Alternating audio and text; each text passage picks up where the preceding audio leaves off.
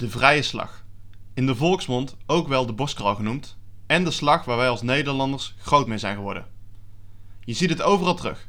Van leszwemmen tot baantjeszwemmen, van waterpolo tot triathlon en natuurlijk binnen het wedstrijdzwemmen. De vrije slag is de snelste slag van alle zwemslagen. Maar hoe zwem je deze nou precies zo snel? En hoe zorg je ervoor dat je niet al na een paar slagen vermoeide armen hebt? In deze aflevering ga ik met jou op zoek naar antwoorden op deze vragen. En voor die antwoorden hoef ik deze keer niet ver te zoeken, want deze maand spreek ik namelijk met teamgenoot, goede vriend en sinds een aantal jaar buurman Maarten Broskowski over de kunst van de vrije slag. Welkom bij Van Stan tot Finish. Take your mark. Thorpe iets sneller weg dan van de hoge band, maar van de hoge band ook goed van het blok. De Bruin in baan 4. Goed weg in ieder geval. En dan die prachtige stijl. Oogverblindend mooi, technisch volmaakt met de hoge elleboog. De perfecte insteek en de krachtige doorhaal. Van de hoge band met de zwarte badmuts. Thorpe met de gele badmuts. En zo makkelijk als het ging in de halve finale gaat het voorlopig niet. Waar blijft de turbo? Voorlopig komt Kroon Joyo nog niet los. Zou ze het in de gaten hebben. Ze moet effectief blijven zwemmen. Nog altijd de voorsprong voor Van de Hoge Band. En die voorsprong lijkt groter te worden. Maar daar komt ze. Ranomi Kromowidjojo. Het is inderdaad die majestueuze race die zich al aankondigde. Van de Hoge Band gaat winnen. Thorpe gaat verliezen. Daar is het goud voor Pieter van de Hoge Band. De turbo lijkt nu te zijn gevonden. De Bruin, derde goud, derde goud. En hier is de titel. Olympisch kampioen Ranomi Kromowidjojo. Geweldig. Nou, daar zitten we dan met eh, Maarten dit keer. Hallo Maarten. Hoi, Leuk dat je mee wil doen. Ja. Ja, ja ik, eh, vorige keer begon ik bij Renomi met introduceren. En ik heb bij jou ook even gekeken. Want eh Olympiër in 2016. eh, nationaal recordhouder 400 meter vrijslag. En Europees kampioen 4 keer 200 meter vrijslag. Dat zijn toch wel prestaties waar ik dan denk van nou, moet ik nog maar even gaan halen. Ja, nou, dat zijn dingen waar ik, eh, waar ik inderdaad zeer, eh, zeer trots op ben. En eh, Was eh, 2016 een beetje jouw beste jaar tot nu toe, jouw zwemcarrière? Als je het zo mag zeggen. eh, nou ja, deze hoogtepunten die je nu opnoemt komen wel allemaal uit 2016 inderdaad. Ehm, dus ja, dat is voor mij wel echt, echt een heel erg goed jaar geweest. Wat toen heel erg goed uitkwam in het jaar van de Spelen. Ehm, nou, als ik zelf eens terugdenk, denk ik dat ik in 2019 heb ik ook een heel goed jaar gehad.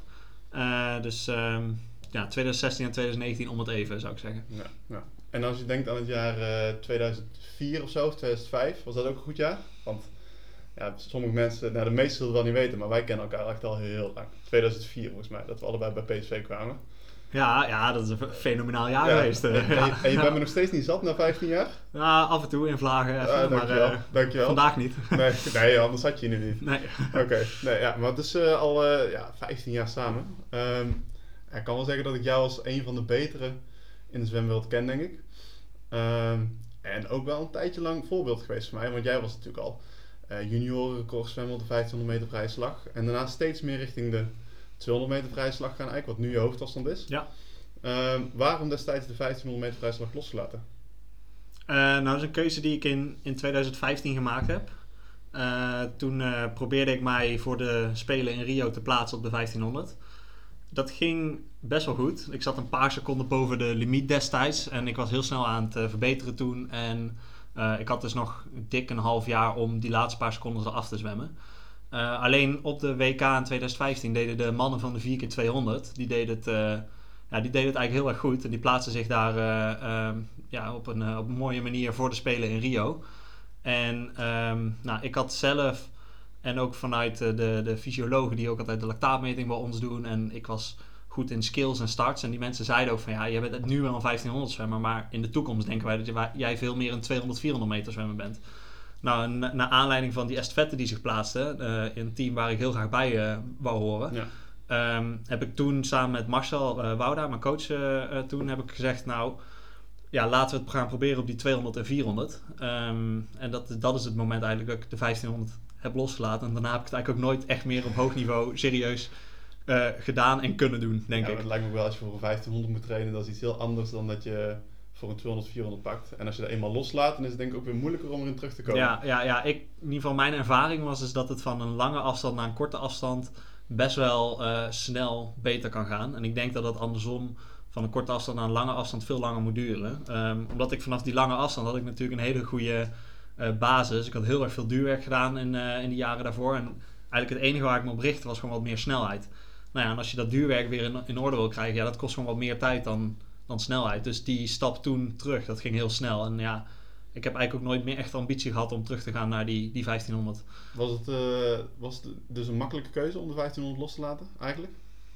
Of was het toen Mm. wel even van... eh, want je zegt, je zat heel erg bij bij de individuele limiet. Ja, En je gaat dan sla je eigenlijk, ja. ga je eigenlijk meteen eh, voor die estafette, terwijl je individueel ook er dichtbij zat. Op een ja, andere afstand. Ja, ja nou, dat klopt wel. Ehm, het balletje kwam ook eigenlijk van Marcel. Die zei, eh, Maarten, ja, misschien eh, moeten we dit eens gaan proberen. En op het begin dacht ik wel van, ja, maar ik wil eigenlijk gewoon die 1500 doen. Ja. En toen hij dat balletje op had gegooid, dacht ik van, nou, ja, misschien, misschien is het wel een goed idee. En, en met het oog op de toekomst, waarin ik waarschijnlijk toch wel wat meer voor die 200 en 400 wil gaan, dacht ik, nou, misschien, ja, uiteindelijk was het zo van, nou, laten we het gewoon gaan doen.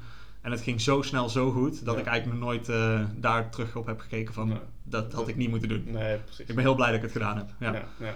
En ehm, je gaat van een 1500 naar een 200, 400. Ga je dan ook in één keer heel anders zwemmen eigenlijk? Want we, deze podcast gaat over de boskraal. Ja. Dan scheelt het wel dat je in dezelfde slag blijft. Maar je gaat natuurlijk van een heel, eigenlijk een hele andere discipline. Want 1500 meter is volgens mij een hele andere boskraal zwemmen dan op 200, 400 meter. Ja, ja, dat klopt denk ik wel. Ehm, maar misschien is de reden dat de mensen dachten dat ik ook niet een echte 1500 zwemmer was, omdat ik de 1500 niet echt zwom als een echte 1500 zwemmer. Eh, klinkt misschien een beetje ingewikkeld. Ja, maar, leg maar eens uit. Ja, ja, ja, en als je nu kijkt naar de, de, de beste 1500 zwemmers van de wereld, dan heb je het over een eh, Paltrineri uit Italië of Welbroek uit Duitsland. Dat zijn eh, jongens die eigenlijk op een hele lichte cadans ehm, een hele hoge slagfrequentie zwemmen eh, en daarbij heel erg weinig benen doen. Nou, wat voor mij altijd heel erg moeilijk was, is om die hoge frequentie te halen. Dus ik zwom er meer op lengte eh, en een beetje op kracht. Een Ja. andere soort kracht dan een sprintkracht, zoals Mhm. eh, de 50 meter zwemmers doen. Ja, maar ja, en ik zwom er heel erg veel benen bij. En dat is iets eigenlijk wat in principe heel veel energie kost. Dus ehm, dat is eigenlijk een slag die misschien die meer geschikt is voor zo'n 200 of een 400. Eh, dus ik ben eigenlijk meer de afstanden gaan doen die beter bij mijn slag pasten. Eh, want ja, ik was dus niet, ja, ik, was, ik was eigenlijk misschien niet echt een 1500 meter zwemmer. Alleen toen kwam ik daar wel best uit de verf. Ja, ja. Is het misschien ook omdat je wat, eh, wat jonger bent misschien? Wat, ja, dat je... Waarschijnlijk ben je nu een paar kilo zwaarder dan je destijds was. Dus dat je iets lichter Ja. bent, iets hoger op het water Zeker. ligt. Nee, ik was toen, eh, ik ben nu denk ik tien keer zo sterk als ik toen was. Ja. Uh, maar ik kan het nu niet meer zo lang volhouden als toen. Kijk, Nee, toen had ik precies. gewoon... ja, ik denk dat ik echt misschien wel richting de 7 kilo of zo lichter was toen. Uh, en, en gewoon minder kracht had. En Ja. daarom, ik denk dat ik gewoon nog niet sterk genoeg was toen... Voor een om, 200, 400. voor een 200, eh, 400. Maar omdat ik wel gewoon een, een best wel een goede uh, duurzwemmer ben... kwam toen de 1500 kwam ik best goed uit de verf. Omdat, omdat je daar Ja. die kracht toch wel minder voor nodig hebt. Laat het zo zeggen. Is Ja. dat dan ook een beetje een, eh, een tip richting jonge zwemmers nu? Van, eh, ga niet te snel richten op, eh, op korte afstanden eigenlijk. Want in Nederland zijn we natuurlijk eigenlijk een beetje een sprintland. ja, Maar eh, als jong kind zijn er al focus op sprinters, ter- op sprinten, terwijl je eigenlijk je lichaam misschien nog niet eens helemaal daarvoor gebouwd is. Ja, nou ja, natuurlijk moeilijk om te zeggen, want er is niet één beste manier, denk ik. Maar wat voor mij gewoon wel heel erg fijn is geweest, is dat ik best wel vroeg, toen ik best wel jong al eh, was, al best wel veel omvang ging zwemmen. Dus veel meters ging maken. En zoals ik net zei, die stap van langere afstand naar een kortere afstand, die is best makkelijk te maken. En je gaat altijd profijt hebben van die omvang die je hebt gemaakt. Ja. Ehm, dus ja, het zou zonde zijn als je op het begin echt alleen maar gaat sprinten en niet dat omvangwerk gaat doen. Want wie weet ben jij misschien wel beter op een langere afstand, maar heb je er nooit echt voor getraind. Ja. Eh, dus ik zou zeggen, de stap van lang naar kort, die is makkelijker te maken dan, eh, dan kort naar lang. Dus ja, als je, als je een jonge zwemmer bent en je am- ambieert wat, kijk, op lange termijn heb je altijd wat aan die omvang. Dus ik zou zeggen, Dus alle, alle jonge zwemmers die luisteren en denken van, nou, als ik lange trainingen zie staan, daar heb ik niet zoveel zin in. Juist doen. ja, misschien wel. En misschien, weet je, je hoeft het echt niet meteen naar een 1500 meter te doen. Maar als jij nu alleen nog maar 50 meter zwemt, probeer eens een keer eh, een blokje te trainen voor de 200 meter bijvoorbeeld. Daar ga je ook al wat aan hebben, denk ik. Ja, precies. En ook andere slagen. Niet alleen maar borstkraal. Eh, nee. Nee. Nee. Jij, jij doet er zelf ook vlinderslag bij. Ehm, heeft, eh, heeft het trainen van die slag ook positieve impact voor jou op de? Wat Denk je? Eh, ja, dat denk ik wel. Ik denk sowieso hoe meer allround je ontwikkeld bent. Dus als je elke slag kan, ja, dat gaat je gewoon helpen. eh, uiteindelijk, als je later op één ding eh, echt goed wil worden, dan moet je dingen gaan verbeteren. En hoe beter allround je ontwikkeld bent, hoe makkelijker het is om hetgene wat je op dat moment moet verbeteren, te verbeteren. Ja. Dus daar geloof ik sowieso wel in. En uiteindelijk, kijk, vlinderslag is mijn tweede slag. Maar nu, zeg maar, als ja, eh, professional, zeg maar, richt ik me wel echt alleen op de borstcrawl. Maar ik ben nu ook geen, geen 15 meer, zeg maar. Nee, nee. Eh, maar die vlinderslag, die ben ik er wel echt steeds meer bij gaan doen op een gegeven moment. Om mijn borstcrawl te verbeteren. Omdat ik zoveel sterker was geworden eh, in de sportschool.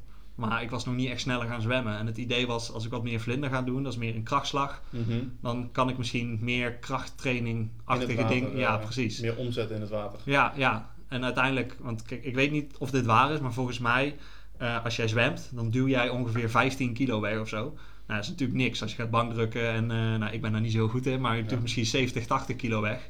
Ja, hoe, als je dan 70 kilo duwt of 100 kilo duwt, als je in het water maar 10 kilo eh Ja, dan maakt het verschil eigenlijk niet eens zoveel uit. hè. Nee, In dan-. Het gaat er meer om hoe je het water doet. Ja, het is een ja, het zwemmen is gewoon een hele apart sport. En ehm, eh, ja, het is meer gewoon dat watergevoel en kan jij die kracht vinden. En met die vlinderslag heeft mij wel wat meer geholpen om, om daar wat meer gevoel voor te krijgen. Dus om, om ook wat meer kracht in mijn borstkal te stoppen. Ja, ja. Lastig verhaal, hè? Ja, nee, maar, Ja. ja, maar als we dan eh, terug naar de boskal gaan. Ja, Ehm, je zegt net, het gaat erom het kracht omzetten in het water. Als jij een beetje eh, om je heen kijkt bij wedstrijden of trainingen, als er, eh, als er mensen die gewoon baantjes zwemmen naast ons liggen of de, de club zwemt. Ehm, wat zijn de, of wat is het meeste wat je opvalt dat je denkt van oké, maar hier moeten mensen echt nog, als je snelle boskal wilt zwemmen, is dit echt het eerste waar je aan zou moeten werken. ja. Nou, het allereerste wat belangrijk is, is dat je gewoon ontspannen de borstkrol kan zwemmen. Dus dat je je ademhaling onder controle hebt, dat je niet heel veel moeite hebt, dat eh, je benen naar de bodem zakken bijvoorbeeld. Dus het allereerste dat gewoon belangrijk is en wat je misschien bij de baantjeszwemmers eh wel ziet terugkomen, is dat die bijvoorbeeld borstkrol zwemmen met een hoofd boven water. Dus een soort waterpoloslag doen. Nou, als je hoofd boven water gaat, je lichaam is een soort wip, dan gaat de andere kant, je benen, die gaan naar beneden. Nou ja, dan ga je als een soort plank eh, door het water. Ja, En je wil wel als een plank, maar je wil een plank die recht ligt. Eh, zo wil je door het water, zeg maar. niet die schuine boven steekt. Nee, precies. En dat, ja, dat, is, dat is niet handig. Nee. Ehm, ja, dus ik, ik denk dat het belangrijkste is, is dat mensen gewoon ontspannen met een, een ademhaling hun hoofd in het water kan, eh, kunnen leggen. Ehm, waardoor de benen misschien wat meer omhoog komen te liggen. En dat je gewoon makkelijker borstkrol kan doen. En daarna kun je aan dingen gaan werken zoals nog meer je we- eh, weerstand verminderen, dus betere stroomlijn. Of, of meer water kunnen wegduwen. Maar ja, als jij al ja, als je gewoon in zo'n hele nare houding ligt, dan, dan ga je nooit ontspannen borstkrol kunnen zwemmen. En dan wordt het, ja, dan wordt het, dat is niet leuk. Het begint, het begint eigenlijk allemaal weerstand verminderen, zeg je, als je dus met je benen hoog op het water ligt. Want hoe minder eh, weerstand je eigenlijk in het water hebt, Ja. hoe makkelijker je er ook doorheen gaat. Ja, precies. Als je dan eh, water, want in principe wat we doen is water naar achter duwen. Ja. Als je water naar achter duwt en bijna niks houdt je tegen, dan ga je naar voren. Zo simpel is het eigenlijk. Ja, ja. Ik hoop dat mensen misschien nu een beeld hierbij hebben, maar ehm, ja, als je benen helemaal, helemaal zakken, die moet je gewoon ontspannen hoog kunnen houden. En als, jij, als je dat kan, dan kun je gaan werken aan, aan echt borstkral zwemmen. Oké, en als we dan gaan werken aan echt boskal zwemmen, wat Ja. is volgens jou de volgende stap? Je ligt goed in het water, je hebt, goeie- je hebt goede stroomlijn naar voren, en dan? Ja, dan is het de kunst om het zo, eh, zogenaamde watergevoel eh, te krijgen. Nou, Ja, onderwerp. Ja, ja, jij hebt daar wel een idee bij. Eh, maar wat je, ja, het is eigenlijk wel een beetje waar we het net over hebben, is gewoon het water vinden om naar achter te duwen. Eh, als jij heel erg eh, stijf door dat water gaat, ja, dan ga jij geen water Pakken eigenlijk. pakken. Ja, precies. Kijk, wat je wil is aan de voorkant van je slag is wil je wat water pakken. En als je dan met je hand bij je schouder bent, dan wil je het eigenlijk naar achter wegduwen. Want daar heb je de meeste kracht. Maar dan moet je wel dat water gevonden hebben, als Ja. het ware. Ehm, ja, en dat is de kunst om daar gevoel voor te krijgen. En dat is denk ik wel deels ook wel talent. Maar het is ook gewoon een kwestie van heel veel oefenen. Ja. Je wil eigenlijk gewoon, vanaf dat je hand eh, bij je elleboog is, wil je eigenlijk een constant water voelen dat je dat achter Ja. duwt. Ja, ja, En op het moment dat je eigenlijk dus druk op je hand verliest, dan weet je dat je niet effectief aan het zwemmen bent. Ja. Lijkt me dan. ja, precies. Als je bijvoorbeeld er doorheen duwt. ehm, ja. dat klinkt misschien heel gek, maar doorheen duwen bedoel ik, zeg maar, je hand gaat naar achter, maar jij gaat niet naar voren. Ehm, Eigenlijk een heel ineffectieve slag heb je dan. Ja, precies. Ja. Je wil zeg maar eigenlijk het liefst, het mooiste zou zijn, is op de plek waar je begint met duwen, dat je hand daar op die plek staat en dat jij als het ware er overheen gaat. Ja. eh, zonder dat je hand echt naar achter gaat. Ja, Ja. dat, dat zou mooi zijn. Maar dat is iets waar, waar wij zelf eh, ook nog, nu nog steeds naar aan het streven zijn. Terwijl wij elke dag eh, twee tot vier uur zwemmen.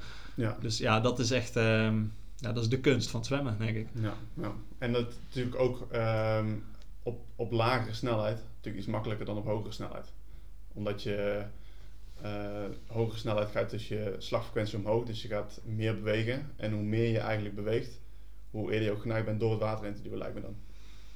Eh, ja, in principe wel. Alleen, maar dat komt misschien ook door andere techniekdingen waar ik mee bezig ben. Maar zodra ik meer op wedstrijdsnelheid ga zwemmen, ga zwemmen, wordt mijn techniek eigenlijk beter.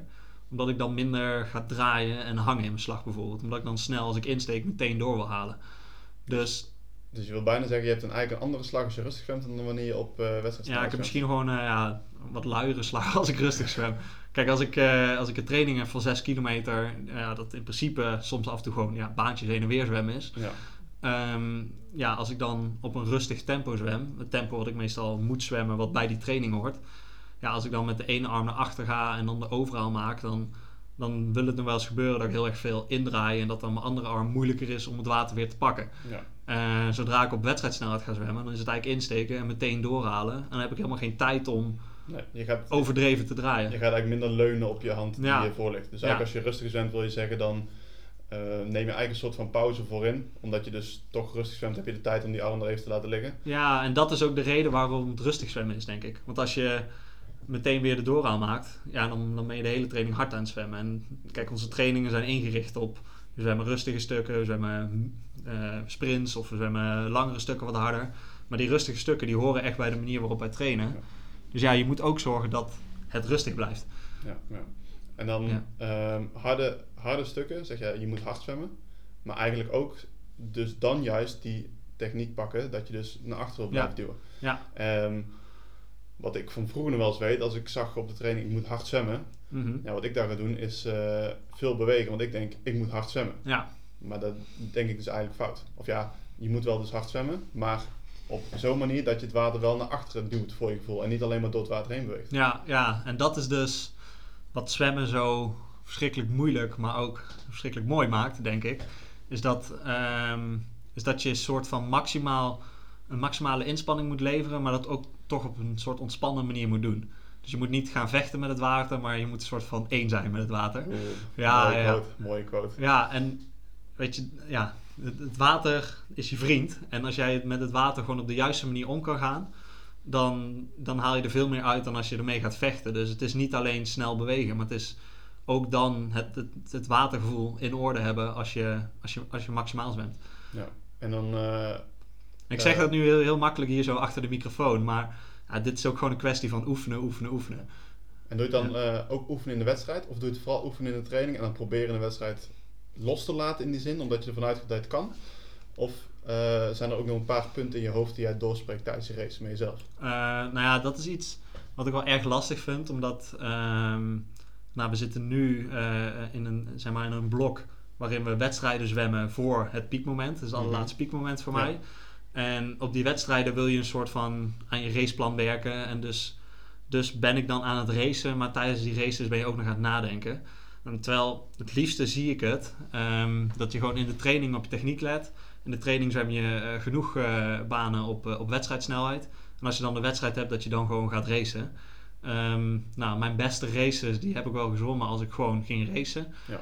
Eh, dus dat, zo zie ik het het liefst. Maar nu, weet je, als je dan bijvoorbeeld wedstrijden doet, een trainingswedstrijd, ja, dan vind ik het wel moeilijk om niet nog aan mijn techniek te denken, omdat je heel graag die, die dingen goed wil doen. Ja. Dus ehm, ja, ik denk mijn allerbeste races, die zwom ik gewoon erop te vertrouwen van ik heb goed getraind, mijn Ik techniek zal wel, goed ja. zitten, het gaat er nu maar om. Ja. Ja, precies, dat ik er alles uithaal. Ja, oké. En ehm, wat zou je dan willen meegeven aan eh, iedereen die nu luistert van eh, de- deze techniekoefening doe ik om, om sneller boskral te zwemmen? Oeh, ja, dat is lastig, want kijk, wij, jij en ik zijn al twee zwemmers die eigenlijk dezelfde opleiding hebben gehad. En nou, we trainen nu ook samen en volgens mij doe ik al hele andere dingen dan jij. Dus Ja, Dus, ja, ik ben ook met andere dingen bezig dan jij. Want volgens mij, jij bent een hele sterke zwemmer. En ik zwem misschien iets meer op souplesse. Kijk, ja, wij moeten al aan iets anders bezig zijn. Dus ja, ik zou vooral goed met je, met je coach overleggen van wat, ehm, ja, wat, wat heb ik nodig. En vooral ook dingen doen waar je zelf een goed gevoel bij hebt van dit, is, dit helpt voor mij. Eh, dus voor mij wat ik heel veel doe is, ik probeer heel veel gewoon losse slagen te maken. Dus dat ik een hele doorhaal doe, maar dan niet met een overhaal daarna of zo. Dus ik pak best een groot deel uit de slag. En dat probeer ik een paar keer achter elkaar goed te doen. En dan zwem ik daarna een stukje waarin ik het aan elkaar plak, zeg maar.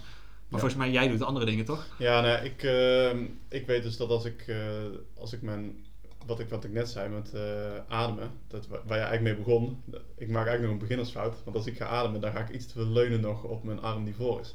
Ja, Omdat ik dus, eh, omdat ik een redelijk grote jongen ben, die een lange, lange range heeft als hij zijn arm uit elkaar heeft. Duurt dus best wel wat langer voordat mijn arm voor is ja, ten opzichte van eh, wat mensen die iets klein zijn. Dus mijn arm heeft meer tijd voor in het water. ja, En dan ga ik dus iets te veel leunen eigenlijk. En wat je dus eigenlijk wil, is op het moment dat je op een, eh, op een wedstrijdsnelheid zwemt, dus op het moment dat je hand voor in het water komt, dat je eigenlijk meteen begint met het pakken van water voor en niet gaat leunen. Ja. En dat is, eh, ik kan ook gewoon niet ademen. Je kan op een 100 meter, eh Maarten, daag ik jou uit om een keer niet te ademen. Dat is, eh, Ja, dat of ga- voor jou op een 200 meter. Ja, dat gaat je niet lukken, nee. Nee, nee. Dus eh, nee, maar ik, ik denk inderdaad wat je zegt, dat je een constante snelheid hebt. Dat is eigenlijk wel belangrijk. Dus dat je geen moment hebt dat je geen water aan het pakken bent, of Ja. aan het verplaatsen bent. Ja. En dat je daar dus een goede techniekoefening voor jezelf zoekt. Ja. Denk ik. Ja, precies. En dan kun je ook gaan kijken naar van... Wat is voor mij eh, mijn slechtste stuk? En daar ga je, ga je dan gewoon Ja. mee aan de slag. Dus eigenlijk eh, ook als je, als je een keer met je coach over wil hebben van, eh, nou ik wil mijn techniek onder water zien. Zorg dat je coach een GoPro aanschaft, zou ik zeggen. Ja, Eh, nee, dat is iets inderdaad... Dat als je jezelf terug kan kijken... En als je dan met iemand meekijkt die er echt, eh, echt gewoon heel veel verstand van heeft. En Ja. die, die kan je dan gewoon, als je iets, iets, iets filmt... En meteen daarna terug gaat kijken en die zegt van... Nou, we gaan het nog een keer doen, maar probeer nu eh, je elleboog wat hoger te zetten. Ja. En dan ga je het nog een keer doen en dan eh, lukt het. En dan zie je het meteen terug op beeld. Ja, dat is ook iets wat echt super veel helpt. op het moment dat Ja. je, eh, inderdaad, omdat je, op het moment dat je een beeld kunt schetsen bij wat jouw gevoel is, Ja. dan maakt het een stuk duidelijker eigenlijk. Ja, ja, precies. En dan het liefst wil je eigenlijk zo snel mogelijk daarna kijken. En dan als het kan nog een keer het water in, nog een keer eh, filmen. Dus eigenlijk, eigenlijk ook gewoon per training een kwartier gebruiken voor techniekdingen. Ja, nou ja, ja kan. Ja. Minimaal eigenlijk. Ja. Ja. Dat je dus gewoon, eh, En ook van- als je gewoon zwemt, gewoon proberen aan die, di- op die dingen te letten. Ja, Dus dus als je alleen een kwartiertje dingen oefent en je gaat daarna zwemmen en je doet het helemaal niet. Ja, dat heeft natuurlijk nee, niet zoveel dat zin. heeft geen zin. Nee, Dus eh, het beste nog zelfs, elke training Ja. beginnen met wat- techniek. Waar ga ik de training op letten? Ja. En daar de hele training mee bezig zijn. ja, precies. Ja, dat zou eh, een mooi plan staan. Oh, jezus.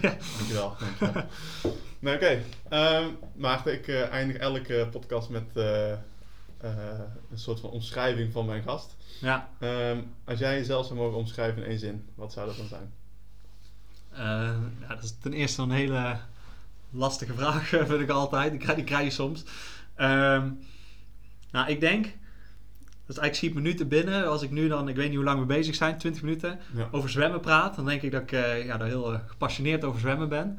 Vind ik heel leuk. En daarnaast zou ik mezelf denk omschrijven als een, als een enthousiast, sociaal, optimistisch persoon. Die, ja, die heel veel van zwemmen houdt. Nou, dat is Maarten. Nou, dan eh Maarten. Zou jij me ook jou- zo omschrijven? Ik, eh, nou ja, na 15 jaar eh, ken ik jou wel een beetje wat. En inderdaad, eh, behalve dat je een hartstikke goede buurman bent, ja, ben je op, absoluut super gepassioneerd in zwemmen. En dat, daar heb ik heel veel bewondering voor. Dus ik wil jou bedanken voor het meedoen voor de podcast. Nou, heel graag gedaan. Iedereen weer bedankt voor het luisteren. En dan tot volgende maand. Nieuwe gast en een nieuwe podcast. Ja, veel plezier mensen. Houdoe.